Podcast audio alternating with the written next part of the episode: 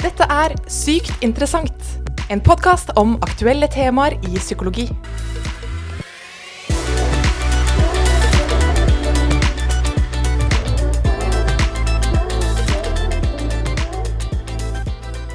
Velkommen til en ny episode av Sykt interessant. Podkasten som tar for seg ulike psykologiske temaer, produsert ved ONH, Oslo nye høgskole. Og I dag så lytter du til meg, høyskolelektor og psykolog Silje Berg, som med meg i studio har invitert kollega, høyskolelektor og psykolog Andreas Berg Krossby. Velkommen, Andreas. Takk skal du ha, Silje. Hei, hei. Ja, nå er du tilbake i stolen her. Det er jeg. Du har vært her før, men det er en stund siden. Det er ganske lenge siden, så veldig fornøyd med å få lov til å komme tilbake. Ja, det er fint for oss også. Og i dagens episode så har vi jo kalt episoden for 'Kunsten å tenke negativt'. Og det er nettopp det vi skal snakke om i dag, faktisk. Eh, og kanskje ikke på den måten man typisk tenker at to psykologer skal sitte og snakke om dette temaet, og at man først kanskje begynner å tenke at å, nå skal de begynne å snakke om hvordan vi kan heller tenke konstruktivt eller positivt. Hvordan snu det. Ja, tvert om, rett og slett. Eh, Vi skal eh, rett og slett romme og løfte litt det her med å tenke negativt, og kanskje føle. Og føle, ikke minst, kanskje. Ja. Ja. Og se om det er noe verdifullt i det også. Ja. Men før vi gjør det, så skal vi kjøre en fast spalte med våre tre spørsmål. Og du er jo gjesten i dag, Andreas, så de spørsmålene de skal du få. ja, Er du klar? det er jeg. Så hva innen psykologi driver du på med? Nå så er jeg ansatt her ved Oslo nye høgskole, og er det som kalles programansvarlig. Litt sånn ansvarlig for noen av bachelorgradene som vi tilbyr her på Institutt for psykologi. Og så underviser jeg også og har litt emneansvar, som det heter. Sånt, så jeg gjør litt forskjellig. Men Ja. i hovedsak så er jeg programansvarlig. Og hva kunne du ikke klart deg uten? Det, når du stiller det spørsmålet, er det veldig prega av eh, livssituasjonen jeg er i akkurat nå. Så det høres litt rart ut. Men jeg kunne virkelig ikke klart meg uten et lite sånn sutte kosedyr akkurat nå for tida. For jeg har et lite barn hjemme, og de gangene hvor dette ene spesifikke kosedyret har vært borte, så er det totalt krise. Så jeg tuller faktisk ikke når jeg sier at det er livsnødvendig akkurat nå for tiden. Så det kunne jeg ikke klart meg uten. Ja. Dyret, som det bare heter hjemme Ja. hos oss. Herlig. Og så har vi jo det siste spørsmålet, som er litt knytta opp mot eh, dagens tema. Og da har jeg litt lyst til å spørre deg, har du noen gang opplevd at du kanskje burde tenkt eller tillatt deg sjøl å kjenne litt mer på det negative? Jeg tenker jo at det skjer ganske så ofte. Jeg tror det egentlig skjer oftere enn jeg nesten får med meg innimellom til og med. For jeg tror det er så veldig fort gjort å møte ting å møte situasjoner med å si ja, det går fint. Ja, det går bra. Uh, hvor det egentlig kanskje ikke har gjort det. Uh, hvor det kanskje hadde hatt mer å hente på å stoppe opp litt og kjenne etter at nei, nå er det faktisk ikke så greit. Så den derre Det at det bare skjer litt sånn automatisk på munnhell nesten, tror jeg skjer veldig veldig ofte, egentlig. Og det hadde vært fint å kanskje stoppe opp og gjøre det litt mer innimellom. Ja. Og nettopp det å stoppe litt opp, det kanskje vi kan bidra litt til at flere vil stoppe litt opp eh, med denne episoden i dag. Ja, forhåpentligvis. Mm, jeg tror det blir bra. Ja. Positivt.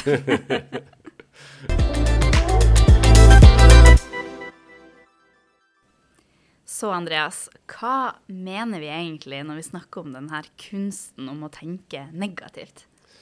Ja, kan det høres litt rart ut. Um, jeg tenker for det første at en ting er tenke negativt, men det handler kanskje vel så mye om å føle negativt. Jeg tenker negativt i hermetegn egentlig òg, for jeg anser det jo ikke nødvendigvis som negativt, sånn som vi bruker det begrepet i hverdagstalen. da.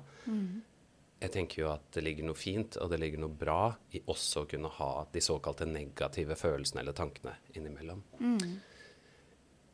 Men i, sånn jeg tenker på det, så er det noe vi lever i en kultur, vi lever i, i, i en hverdag hvor det er veldig mye fokus på å skulle bli bedre utgaver av seg sjøl, å skulle forvente effektivitet, det å skulle endre seg fort.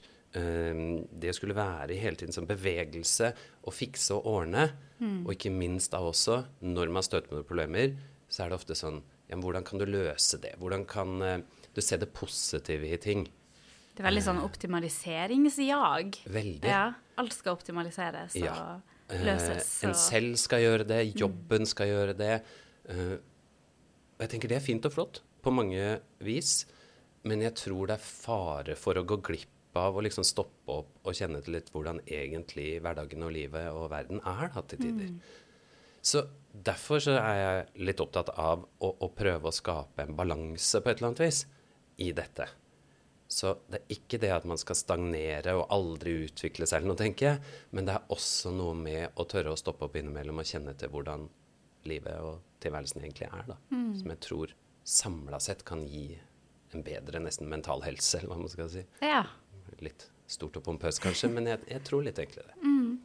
Og så er det kanskje litt sånn Det ligger kanskje litt naturlig i oss, det her med å optimalisere og En ting er at det ligger naturlig i oss, men så er det også det der samfunnet rundt oss, som du sier, Ja. eh, at det, det legges litt opp for det. Ja. At med en gang du har blitt ferdig med en utdannelse eller et kurs, så er det fort eh, spørsmålet som kommer, er jo Ja, hva nå, da? Ja. Hva skal du gjøre nå? Det er nettopp det. Vi, vi kan jo kjenne det fra bare vår profesjon, egentlig.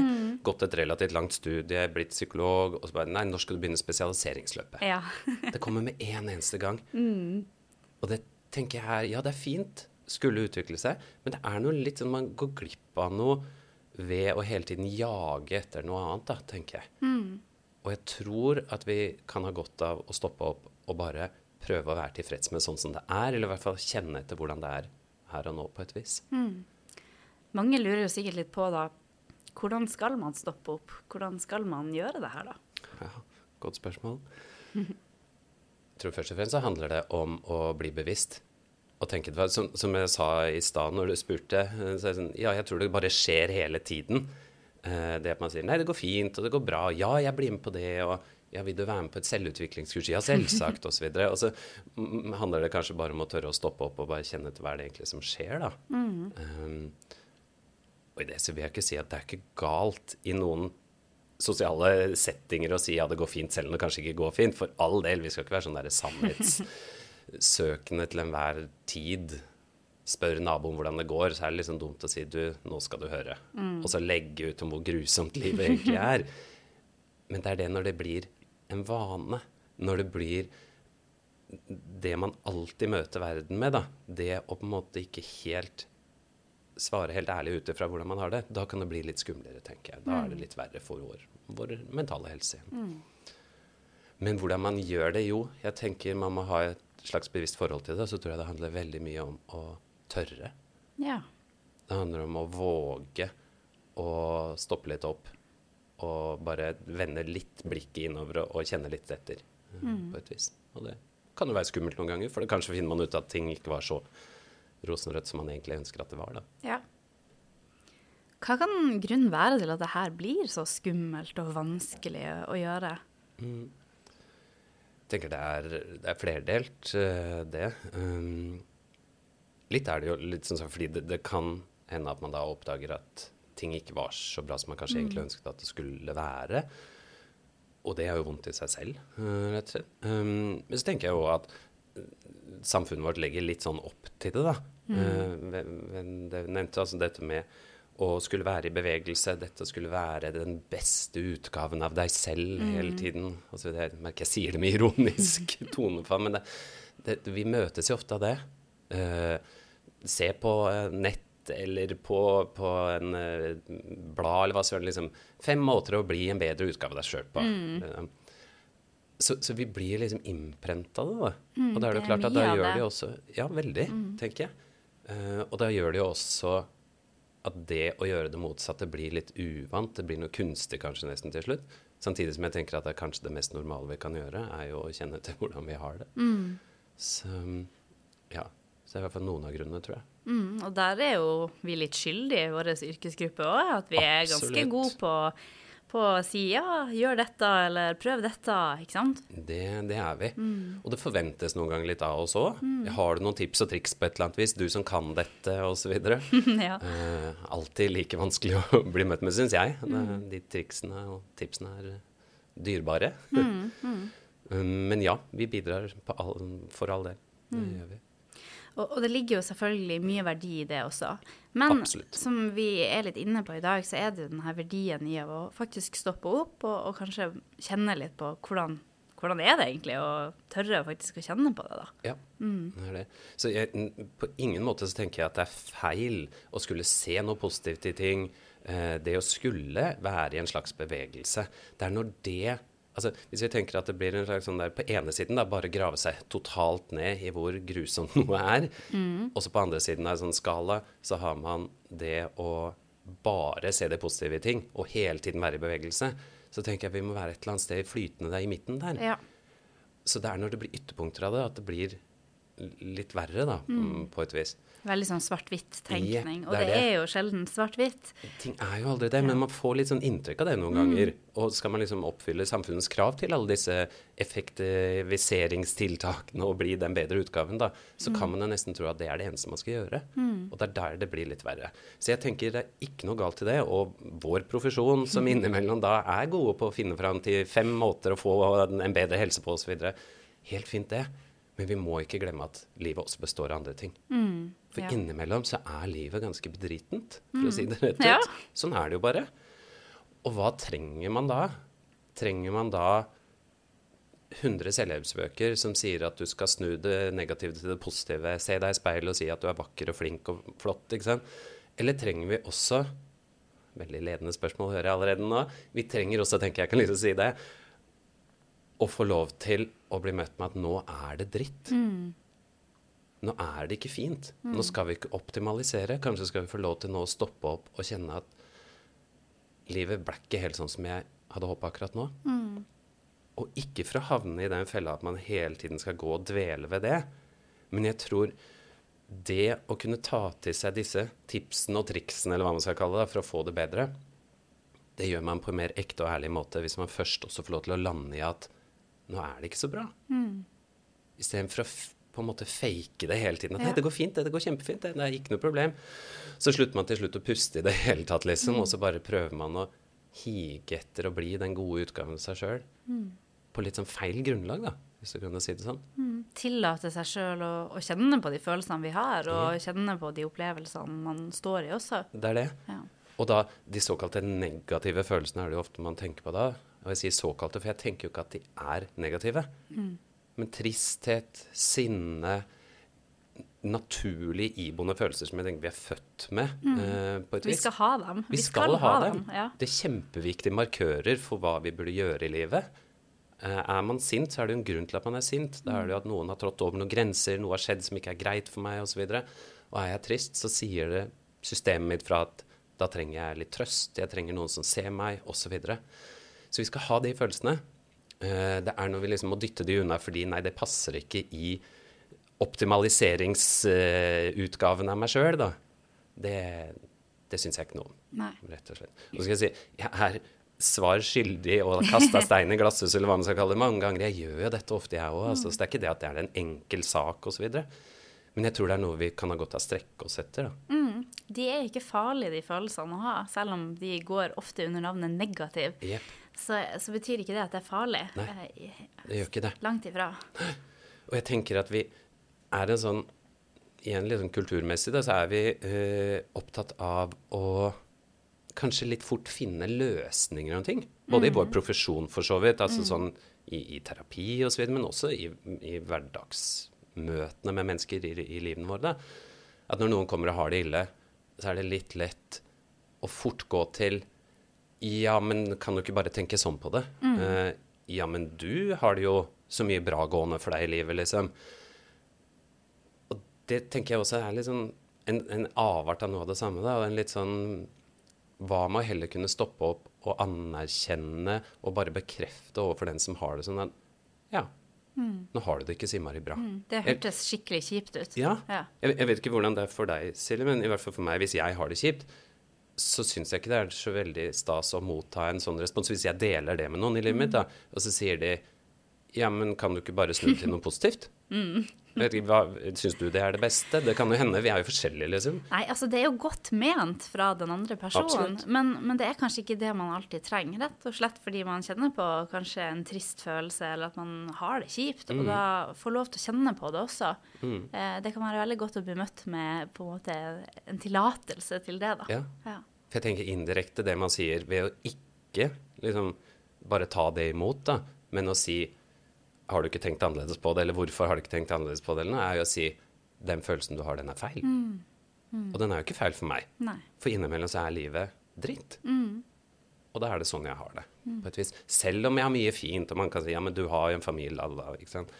Nei, akkurat der og da så er det dritt. Og det er noe med å få lov til å stoppe opp i det, da, tenker jeg. Og det er jo litt det vi prøver å løfte frem her òg, at livet er jo både det ene og det andre og det tredje. Det er både fint og godt, men det er også i mange tilfeller vondt. og, og det må vi også ha et rom for. Vi må også få lov til å eh, akseptere den delen av livet også. Ja. Ja.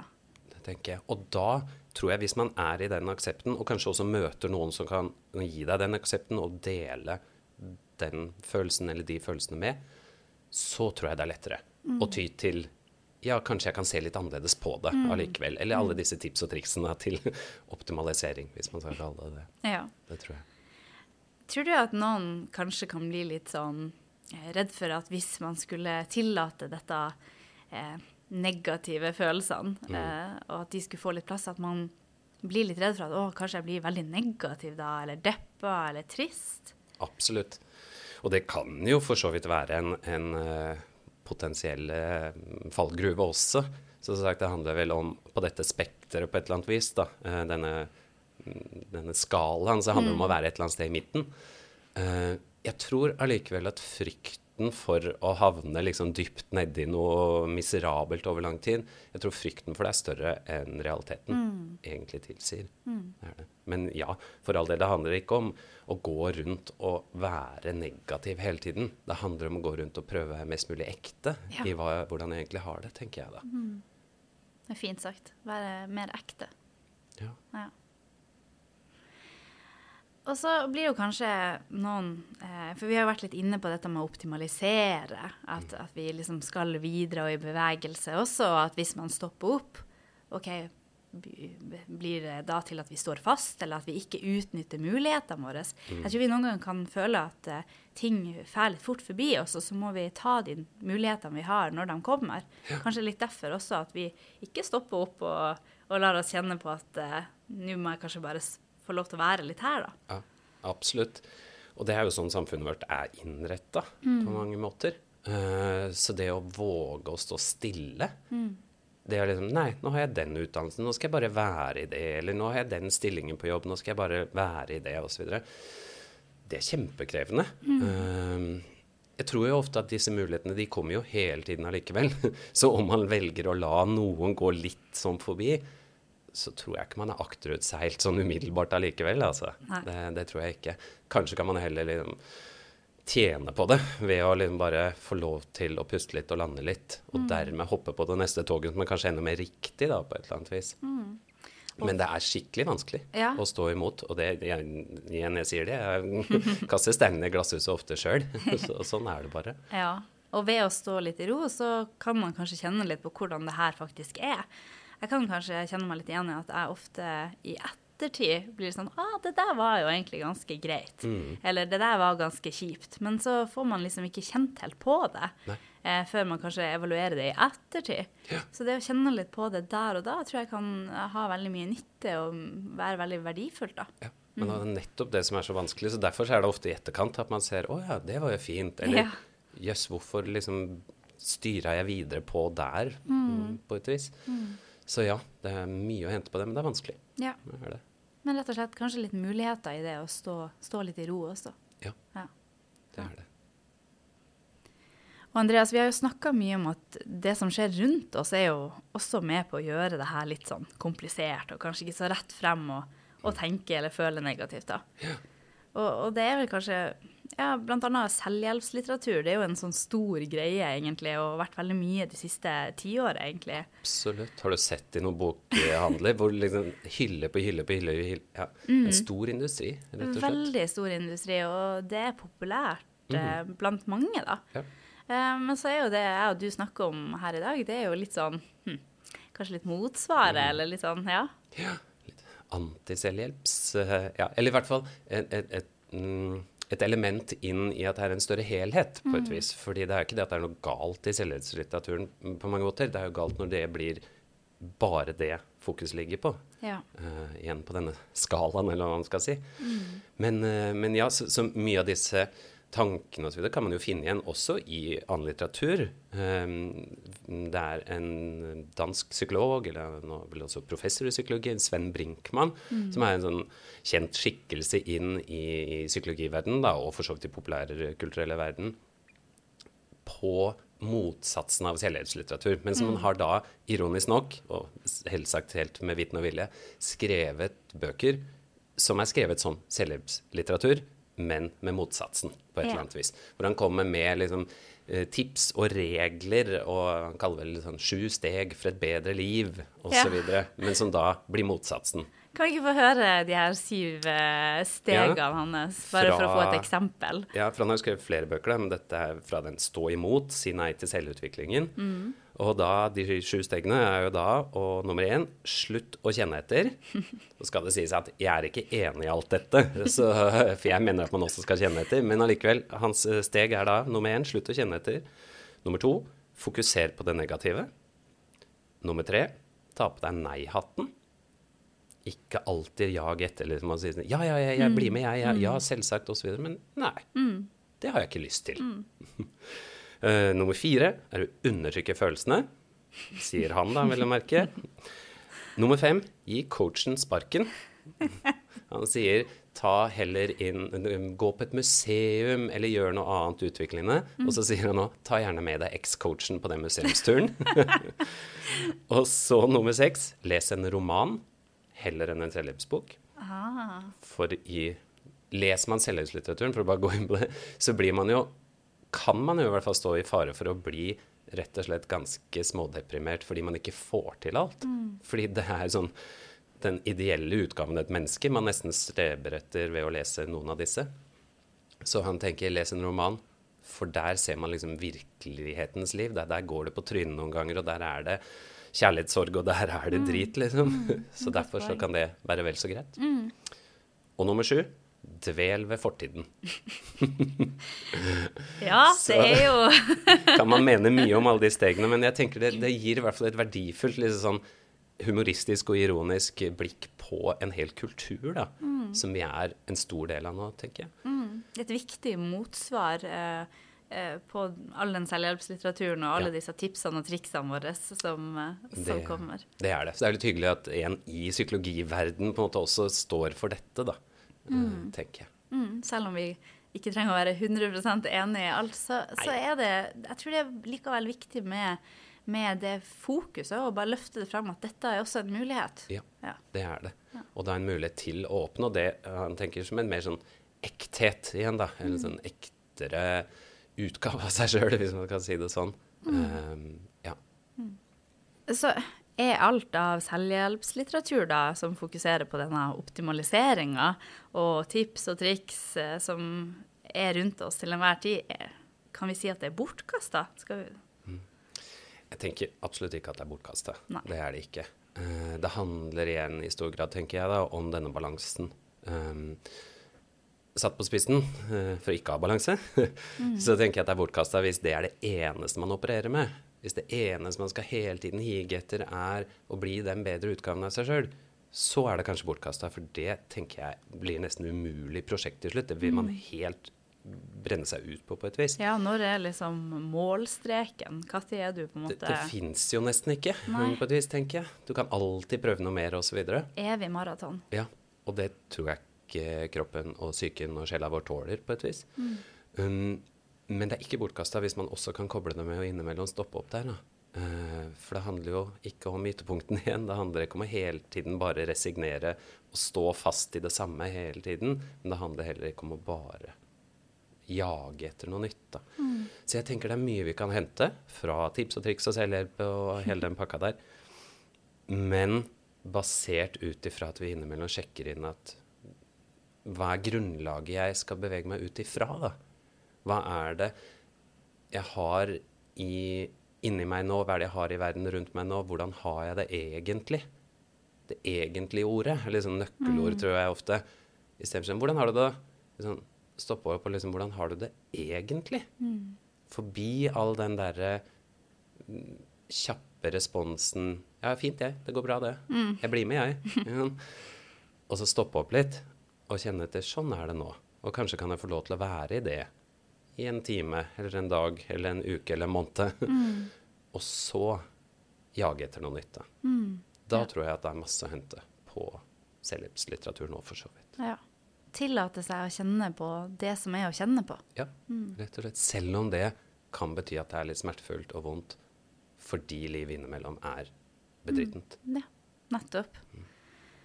Og med det så håper jeg jo at du som lytter kan ta dette litt med deg videre inn i uka di.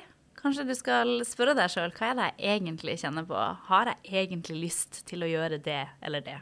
Ja.